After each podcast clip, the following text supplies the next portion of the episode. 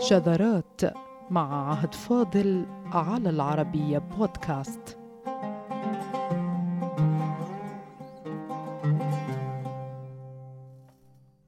هي قضية من أكثر القضايا المثارة على وسائل الإعلام في الآونة الأخيرة وهي قضية التحرش وعقوبة المتحرش. وفيما صار التحرش أيها السادة في غالب صفته الاعتداء أو الإيذاء بالمعاني المختلفة وأشهرها الجنسي فمن أين جاءت تلك الكلمة في اللغة العربية؟ وهل استعمالها بشكلها الحالي يعتبر مولدا أم قديما؟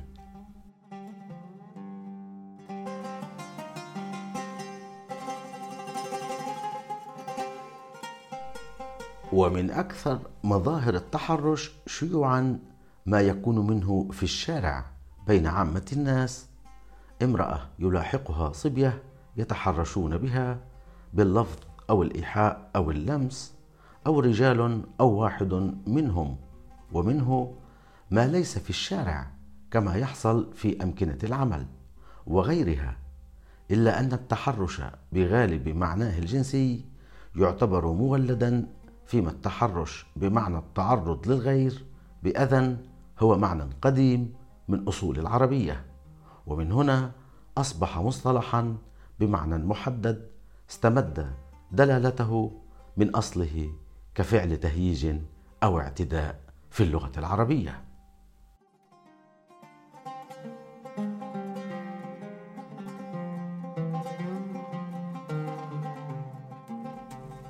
ولأصل كلمة التحرش الحرش قصص جميلة في مصنفات العربية.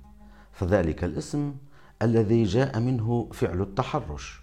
هو عمل يقوم به الصياد لإخراج الضب من جحره فيحدث له جلبة على مدخل مخبئه ليوهمه بأن دابة ستدخل عليه فيقوم للدفاع عن مسكنه بإخراج أطرافه فيقوم الصياد بالقبض عليه من ذنبه وتسمى هذه العملية بالعربية القديمة الحرش والتحريش فيقال حرش الضب واحترشه والأهم بموضوعنا فيقال تحرش به وهو أقدم استعمال للتحرش إنما التحرش بالضب أي إحداث جلبه حوله لإيهامه بوجود دابة فيخرج للدفاع فيصيدونه.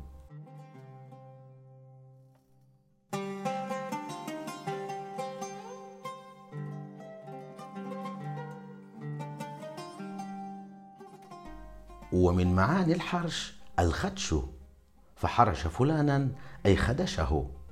وفي غالب أشكال الكلمة من المعاني التي فيها الاعتداء فالحريش من أسماء الكركدن. وأصل نطقه القديم الكركدن. وما يسمى اليوم عند بعض عاميات العرب بأم أربعة وأربعين وهي زاحفة بأرجل كثيرة تمقتها الناس وتخافها كان اسمها العربي القديم الحريش. أيها السادة.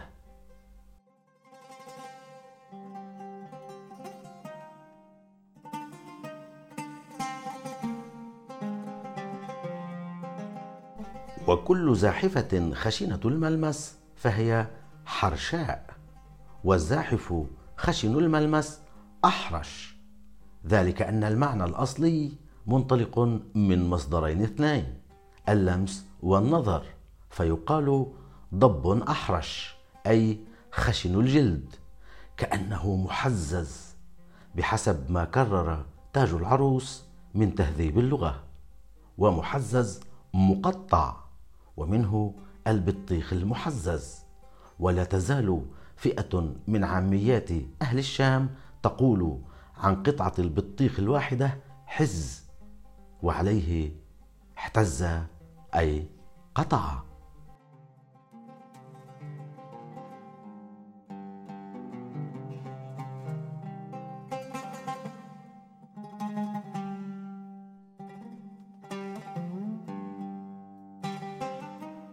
ومن خشونة الحرش يسمى جزء من الغابات بالحرش ولا تطلق هذه التسمية إلا على جزء من الغابة تكون عيدان وأغصان الشجر فيه كثيفة وملتفة صعبة العبور وعادة ما يكون الحرش لغابة في الجبل لا غابة في السهل. فتتحقق له صفة الخشونة الأصلية فسمتها العامة الحرش. ونحن حتى الآن لا نرى أي معنى إيجابي من الكلمة حتى لو رأينا واحدا باسم حريش فذلك من تفاؤل العرب القديم ببعض الكائنات القوية كاسم أبي أحد أشهر فصحاء البدو أبي مسحل وهو عبد الوهاب بن حريش ويغلب بعض الدارسين أنها لقب لأبيه.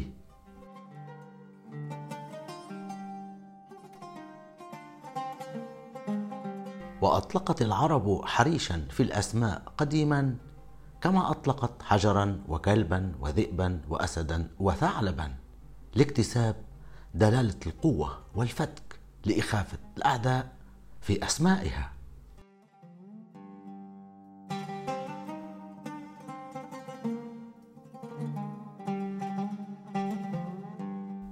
وعندما نمسك بقطعة نقدية في يدنا فنتملى النقش الذي عليها لمسا. فهذا من الحرش والحرش أيضا. فيقال عن الدينار أو الدرهم أو الريال أو الليرة أو الجنيه أحرش إذا كان جديدا وذلك من خشونة النقش فيحس لمسا. فتوضح لغة الأمهات وتقول لأنها حديثة العهد بالسكة فتظهر عليها خشونة النقش فاكتسبت القطعة النقدية الواحدة.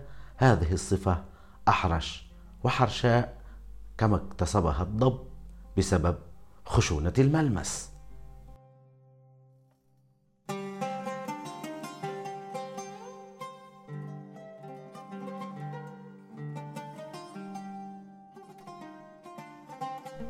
وعلى كل ذلك ترد في العربية أيها السادة حرش فلان بين هؤلاء. أي أنه أفسد بينهم وأغرى بعضهم ببعض. ومنه كان تعبير التحريش بين البهائم وهو عن الإغراء وتهييج بعض البهائم على بعضها الآخر. ومن هنا صار التحريش والحرش والحرش الإغراء بين القوم أو الكلاب كما يحدد تاج العروس ويقال التحريش إغراؤك الإنسان أو الأسد ليقع بقرنه. وهنا الحث الكامل على العداوة والقتال ليستمر التحريش كفعل اعتداء وعليها قيل تحرش بالضب قديما. ومنها جاء التحرش الجديد إنما بمعنى جنسي في غالبه مع أنه لا يزال يستعمل التحرش أحيانا بمعنى استفزاز الغير أو العدو.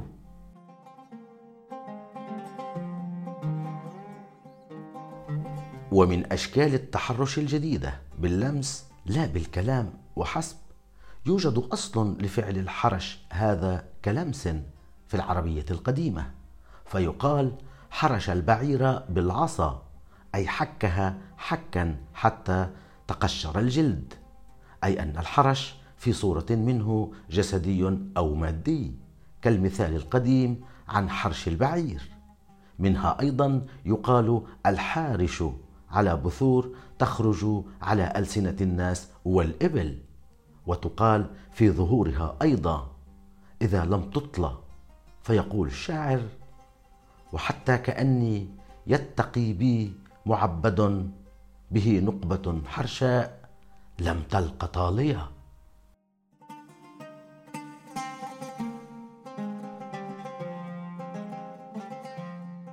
والتحرش التعرض أيها السادة ومنها جاء تحرش به أي تعرض له. وعلى ذلك استعملها الشاعر ابن الفارض في إحدى عيونه الشعرية فيقول ولقد أقول لمن تحرش بالهوى عرضت نفسك للبلاء فاستهدفي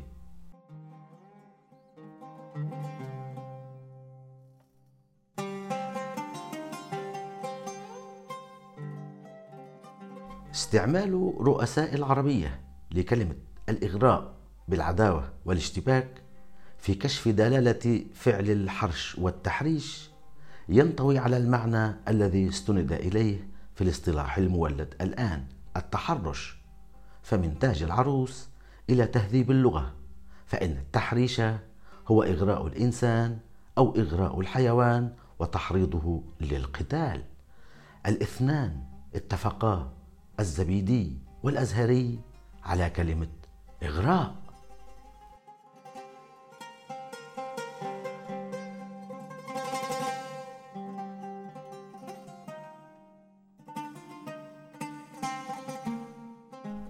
الفعل الأصلي المستعمل في أمهات العربية هو الإغراء. إذا أي الإيحاء بتزيين وتحريض ومن الإغراء بالاشتباك حصل المعنى الجديد لفعل التحرش والاعتداء على الغير لفظا أو إيحاء أو لمسا وبكل الوسائل المتاحة للتواصل بين البشر في عصرنا الحديث.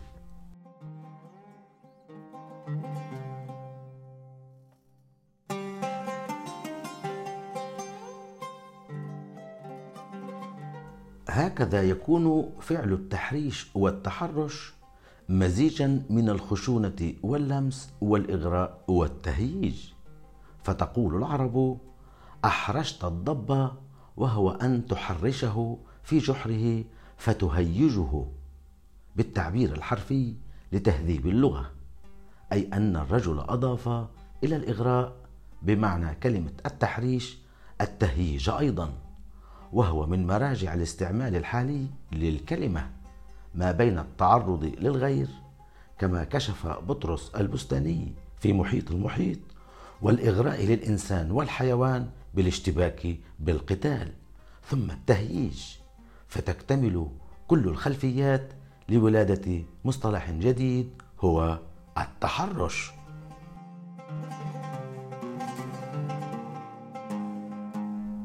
وأصل التحريش أيضا بالصوت أيها السادة. والذي هو الآن كلمات أو ألفاظ يتحرش بها. فإن قصة التحريش التي تؤدي إلى خروج الضب من جحره قائمة على إحداث جلبة وقعقعة فوق مخبأ الضب فيظن العدو دابة فيخرج فيصيده من تحرش به. اذا من أصول فعل التحريش والتحرش هنا الصوت. وهكذا اكتملت كل خلفيات المصطلح الجديد خاصة وأن رؤساء العربية لم يروا بديلا من كلمات الإغراء والتهييج والتعرض لشرح معنى التحريش والتحرش.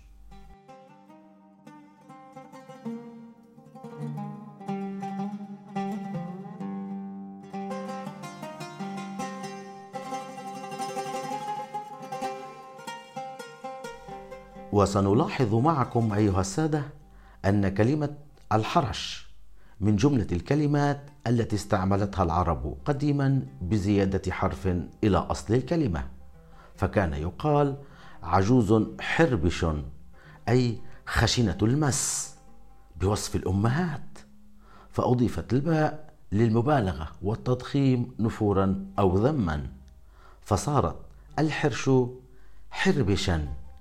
ولا يزال يقال في اللهجة المصرية مثلا طعمة حرشة للشيء إذا كان شديد الحموضة أو بمذاق لاذع. يرغب بتناوله بعض الناس في حالات معينة.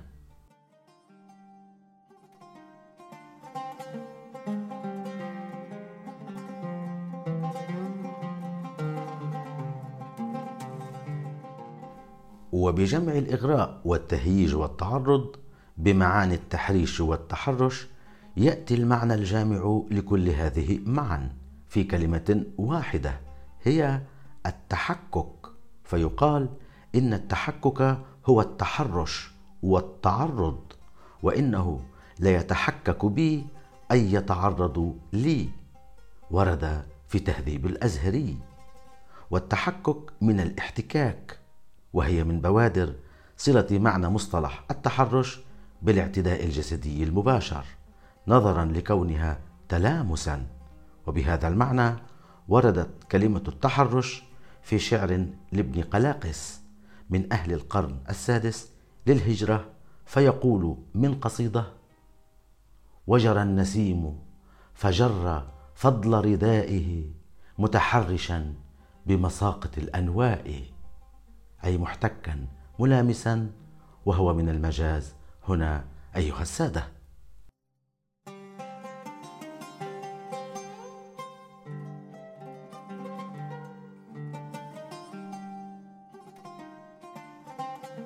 وكالسابق قال ابن بابك وهو شاعر بغدادي مشهور من أهل القرن الخامس للهجرة يقول سحر العراق ونعرة الندمان. حبسا على خلع العذار عنان. يا حبذا ضعف النسيم إذا ونى وتحرش الأغصان بالأغصان.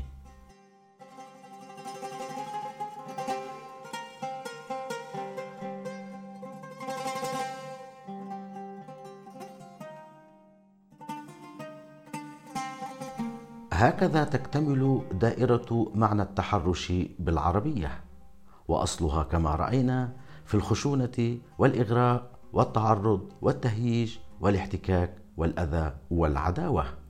وكل هذه المعاني شكلت خلفية الاصطلاح اليوم ليكون التحرش جريمة مكتملة الأركان في الواقع وجريمة مكتملة الأركان كشفتها اللغة العربية منذ زمن طويل.